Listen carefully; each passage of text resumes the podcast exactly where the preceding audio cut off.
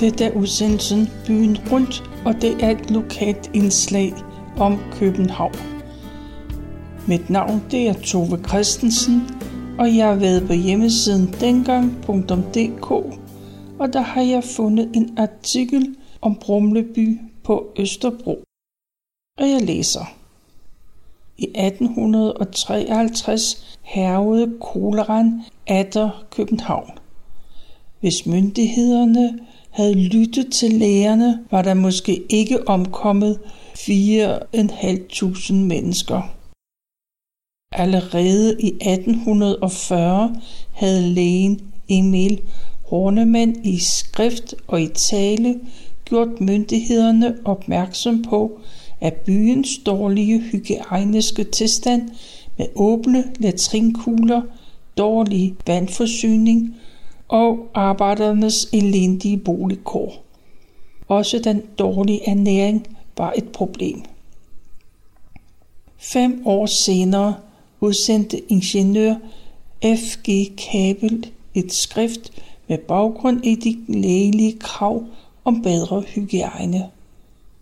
Ingeniøren foreslog en kloakering af hele København med stikledninger til hver enkelt af byens ejendomme til spildvand og toiletafløb. Holmens kanal havde i mange år været kendt som Københavns åbne kloak. Rotterne trives i store mængder. Ofte invaderede det kongelige teater i så store mængder, at herrerne for en sikkerheds skyld iførte sig deres ridestøvler. Damerne havde større problemer. De havde store kjoler i flere lag. Toiletter i vores forstand eksisterede ikke. I stedet for havde man åbne latringrupper, det vil sige i møding, som blev tømt to gange om året. Latringrupperne i gården var utætte, og de såkaldte chokoladevogne kørte latrinen til Amager. Drikkevand fik man fra forskellige kilder. Drikkevand fik man fra forskellige steder. Vandet blev lidt i render fra Københavns omkringliggende søer og endte for eksempel i Rosenborg Slotsgrav, der både blev brugt som drikkevand og til spildevand. Det samme gjaldt for de tre store søer i København. I 1847 offentliggjorde Hornemann artiklen om adskillige mangler ved den offentlige renhed i Danmark og om en forbedret vandhygiejne som middel herimod. Og Hornemann havde forskellige måder, hvor man kunne løse problemerne og en Københavns præst, præster Visby, fortæller om et besøg i et udlejningshus for fattige familier. Han skrev, Deres bolig er som oftest overalt beskrivelse slet.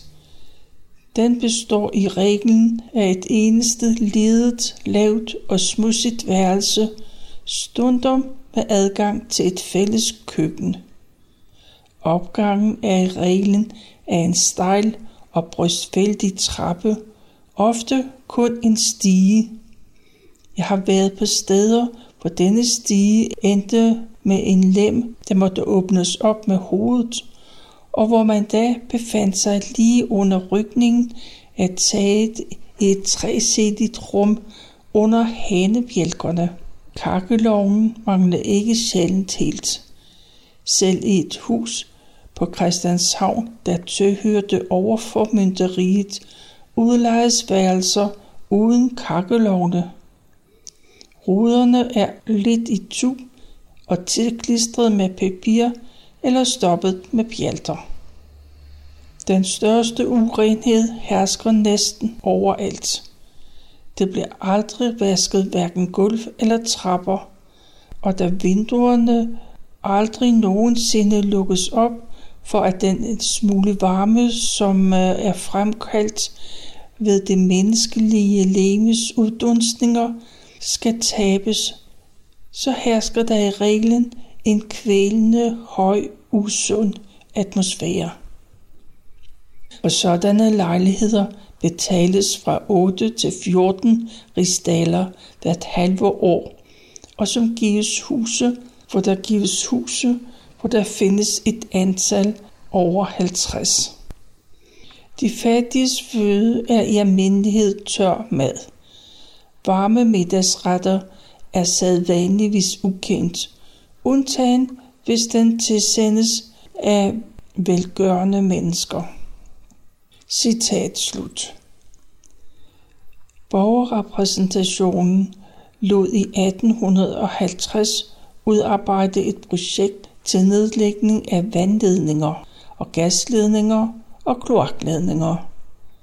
De store udgifter fik både borgerrepræsentationen og indrigsministeren til at afvise projektet.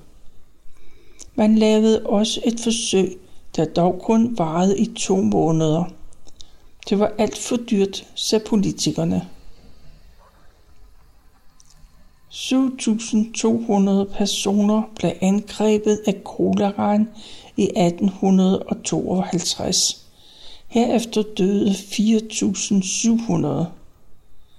Sygdommen ramte mest i de fattige kvarterer. Særligt slemt stod det til i fattigvæsenets stiftelse og de specielt indrettede kolerahospitaler. I stedet for at forebygge ved evakuering og lege lokaler, så bestilte fattigvæsenets direktør 200 ligkister. Og Berlingske Tidene skrev ironisk, at direktionen snart ikke mere ville behøve at rømme hospitalet, til det ville ske af sig selv. Citat slut. Den 9. juni stiftes Lægeforeningen mod kolerans udbredelse. Man havde udsendt et brev til alle husstande i byen, der fortalte, at man ville aflægge et besøg. Man ville fortælle om sygdommen og dens bekæmpelse, og man ville skaffe trængende al mulig hjælp og ordentlig mad. I særlige tilfælde vil man evakuere beboerne og skaffe dem en anden bolig.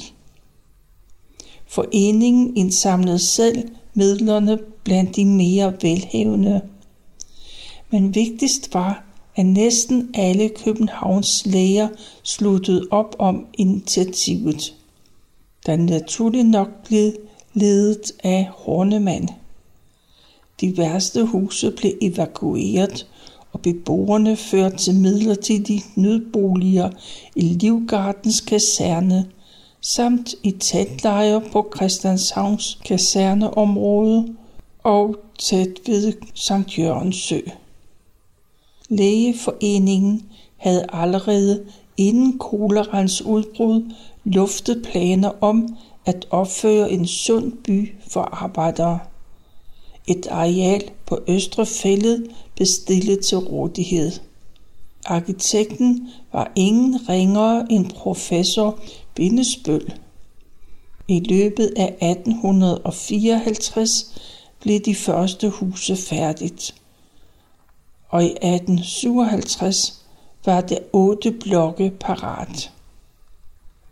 Og i 64 udvidede Brumleby med endnu otte blokke. Denne gang tegnet af arkitekt Wilhelm Klein.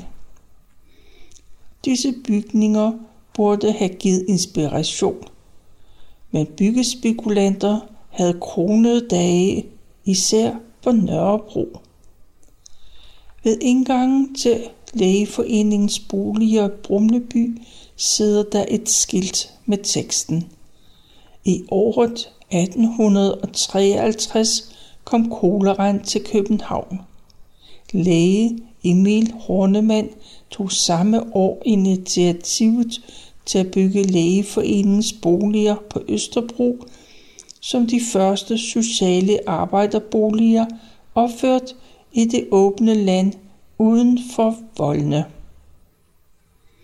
Og Gottlieb Bindesbøl blev arkitekt for byggeriet, og de første otte blokke blev påbegyndt allerede i efteråret 53. I 1860'erne blev der opført yderligere 10 blokke. Denne gang med Wilhelm Klein som arkitekt. Hele anlægget med husmorforeninger, børneasyl, badeanstalt, mødesal og sløjtskole stod færdig omkring århundredeskiftet. Lægeforeningens boliger Brumleby de blev fredet i 1959. Formålet med opførelsen af Brumleby var for uden at forbedre sundhedstilstanden også at højne moralen i arbejderstanden. For lægeforeningens boliger omtaler formålet med foreningsbyggerier sådan. Sunde og billige boliger for de ubemidlede klasser af hovedstadens befolkning. Beboernes sundhed, sædelighed og tilfredshed søges så vidt muligt at fremmes. Navnligt i forhold til god orden og renhed. Og så bliver der pladsmænd ansat. De skulle holde øje med, at beboerne opførte sig ordentligt. De var en slags lokal ordenspoliti, der overvågede og kontrollerede beboerne. Den fysiske renhed var en forudsætning for den åndelige renhed. Disse pladsmænd havde uniformer. Deres arbejdsbluser var lavet af samme stof, som det mælkedrengene havde på. På hovedet havde det en uniformskasket med en grøn bånd om, og der stod Lægeforeningens boliger. Brumleby var kendt for, at der var lys og luft mellem de to etagers blokke, der bestod af et- og toværelses lejligheder. Og der var separat indgang, bestemt for familier, for enlige og for enker. Husene var billige, og der var ingen overflødige dekorationer, og lejlighederne var små men det var det første sociale boligbyggeri i Danmark. Da byggeriet var fuldt udbygget, var der ca. 550 lejligheder i Brumleby med 2.500 mennesker i. De gule og de hvide husblokke var 50 meter lange med syv indgangsdøre, der hver førte til en eller flere lejligheder. De første blokke var færdige i 1854 og de sidste i 1872. I stuelejlighederne hørte der småhaver, mens arealerne imellem blokkene var delt mellem privathaver og fælles areal. Brumleby var smuk og gennemtænkt fra starten, men snart blev den nedslidt og belastet boligområde. Bestyrelsen de skulle selv finde lånemulighederne, og man havde ikke råd til ret mange dårlige betalere. Allerede i 1888 klagede beboerne over dårlig vedligeholdelse. Således havde de første bygninger ingen tagrender og det var først ved århundredeskiftet, at der blev foretaget en ordentlig kloakering, og der var ikke toiletter i alle lejligheder, som der oprindeligt var planlagt. Bestyrelsen i Brumleby ville ikke økonomisk støtte opførelsen af Jakobskirken på nabogrunden, men de havde ikke noget imod, at kirken kom ind i Brumleby. I mødesalen blev der også holdt søndagsskole. Og mellem blokkene var der friluftsmøder. Kleinbolokkene fik lagt vand ind fra starten, mens de første byggeri først fik det i ombygningen omkring århundredeskiftet.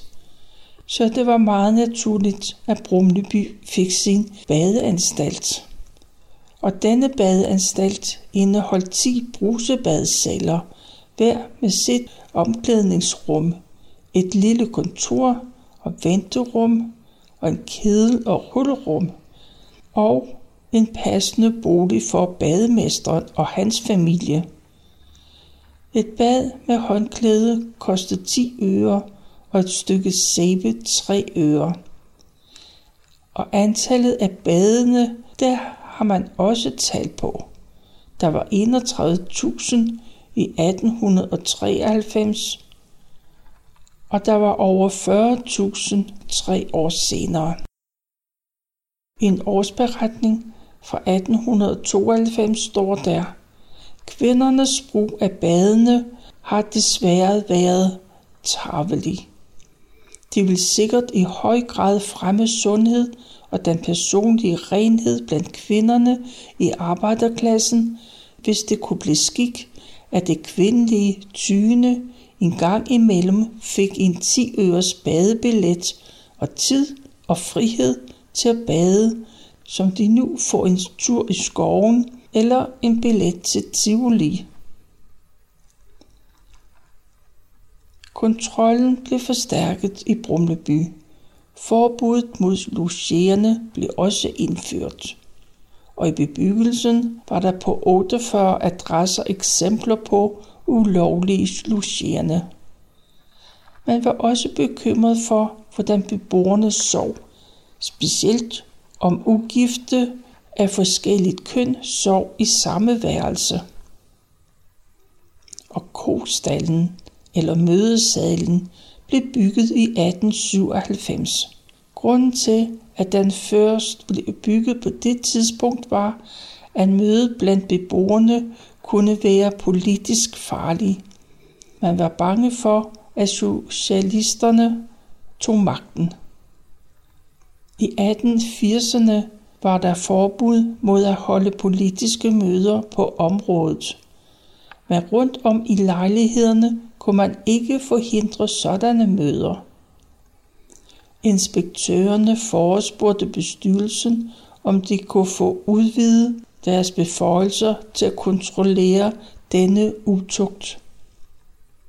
Men den 21. august 1885 blev Østerbro Socialdemokratiske Diskussionsforening stiftet. Man lagde vægt på, at det var en diskussionsforening og ikke en vælgerforening. Bestyrelsen bestod næsten udelukkende af beboere fra Brumleby. Og i 1894 havde man 300 medlemmer. Og Østerbro Husholdningsforening blev også stiftet i Brumleby. Og gamle danses venner og gamle danses værn holdt også til i Krogstallen.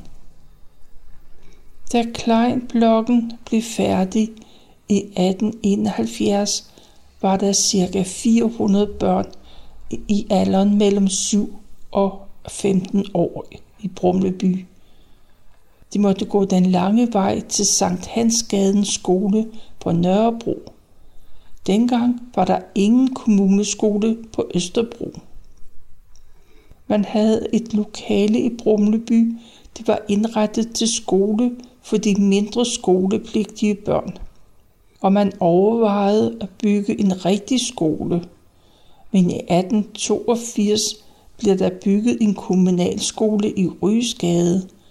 Der begyndte børnene at gå. Østerbro Husholdningsforening, ØHF, indrettede den første butik 1868. Et medlem havde stillet sin dagligværelse til rådighed. Og de første varer, man kunne købe der, det var brød, mælk, fløde, gryn, øl, svovlstikker og pindebrænde.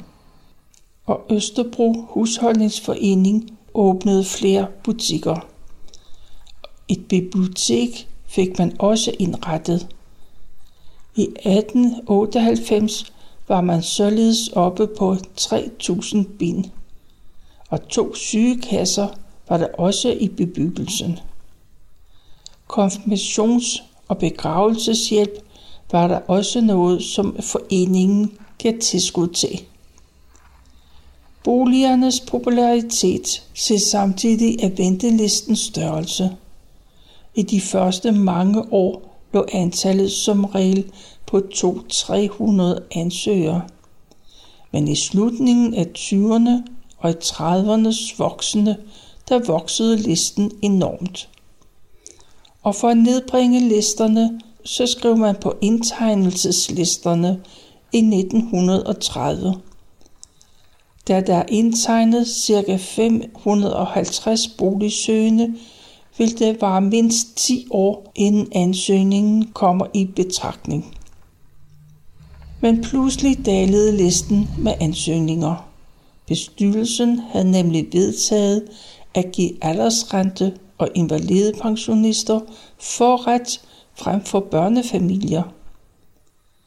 Og efterhånden udviklede man traditioner så og fester blandt andet i mellemblokkene og i kogstaden. Der var sommerfest, høstfest, julefest, nytårsfest, fastelavsfest og teater- og filmforestillinger. I 1858 modtog Københavns magistrat de første planer til et højhusbyggeri på Brumlebys jord. De 602 lejligheder skulle bygges som socialt boligbyggeri, men ildsjæle fik hele bebyggelsen fredet. Men Brumleby, den var ved at forfalde. Bygningernes bestanddele er på alle måder og ordentligt dårligt vedligeholdt, blev der sagt. Tagdækningens skifersten er porøse. Hjælkelag, gulv, døre kræver udskiftning i stort omfang. For flere bygningers vedkommende, der er stadigvæk tilbagevendende svampeangreb det skal bekæmpes, og fornyelse af råden tømmer og træværk, det skal finde sted. Fugtighed i vægge og gulve skaber alvorlige gener i et stort antal lejligheder. Og selve miljøet i det eksisterende Brumleby, de blev mistænkeligt gjort og også brugt som et argument for nedrivning. I 60'erne var der gået spekulation i boligbyggeri og standard under devisen Rev ned og byg nyt. Det skaber vækst. En årsberetning fra 1969 kunne man læse. I oktober 1970 er der ca. 310 lejligheder endnu udlejet til beboere af ældre årgange og ca. 180 lejligheder udlejet til unge. Det har ikke kunnet undgås, at der opstået uoverensstemmelser mellem beboergrupperne.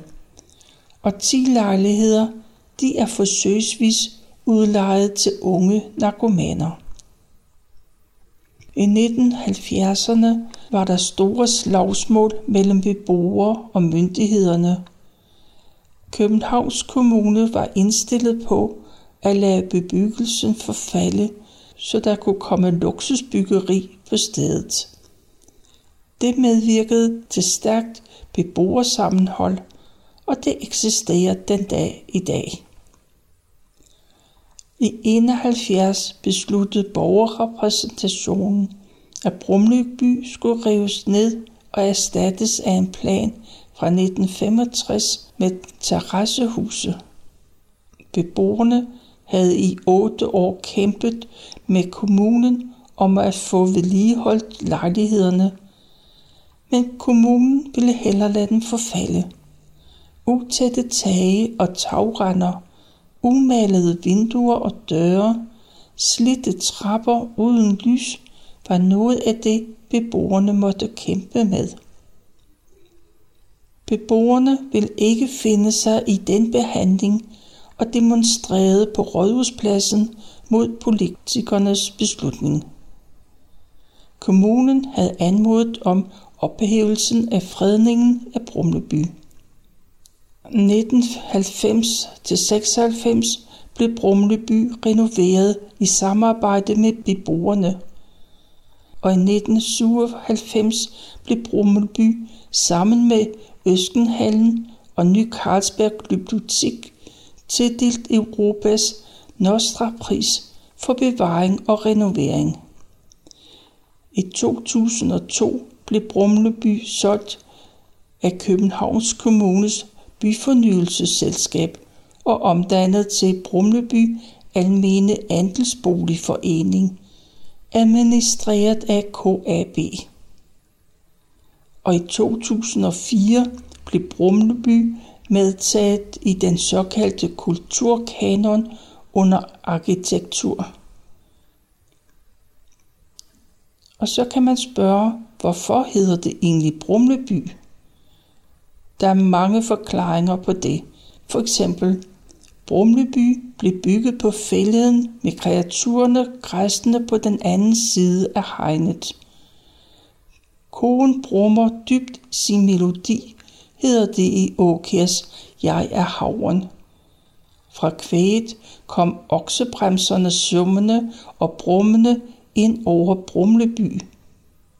En anden forklaring er, at den oprindelige blok faktisk hed Brumleby, mens den nye Kleinblokke de blev kaldt for Koløst. Da brokvartererne blev brolagte, kunne beboerne høre, at de gamle kære rumlede, der er navnet Brumle. Og så var Brumleby blevet kendt som et kampnavn for drengebander, der spredte død og ødelæggelser i nabokvartererne. Og denne forklaring er netop gengivet i Martin Tin Andersen Nexø i Et lille kræg. Det handlede om kampene på fælleden mod naboerne, rabarberne fra Nørrebro.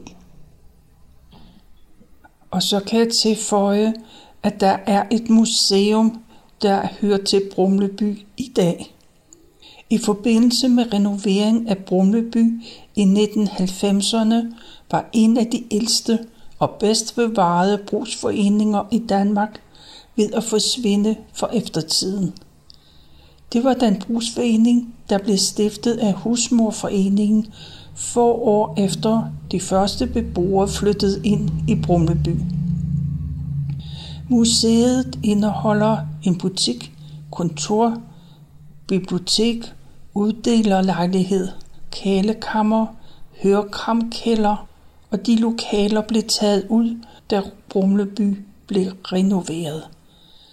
Og så begyndte der et samarbejde med beboerne i Brumleby, Byfornyelsesselskabet, Kulturstyrelsen og Nationalmuseet, og det mundede ud i et selvstændigt museumsprojekt.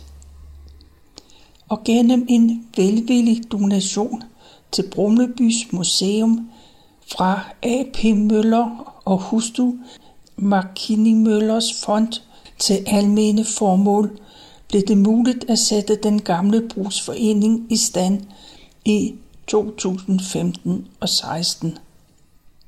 Lokalerne var efter næsten 145 års brug nedslidte, og der skulle ske en omfattende restaurering. Da det gamle interiør forsigtigt blev taget ned, kom fortidens spor til syne. Bag en af reolerne i det gamle bibliotek dukkede gamle bøger fra biblioteket frem. Det var noget om Brumleby på Østerbro. Du kan læse om Brumleby på hjemmesiden dengang.dk.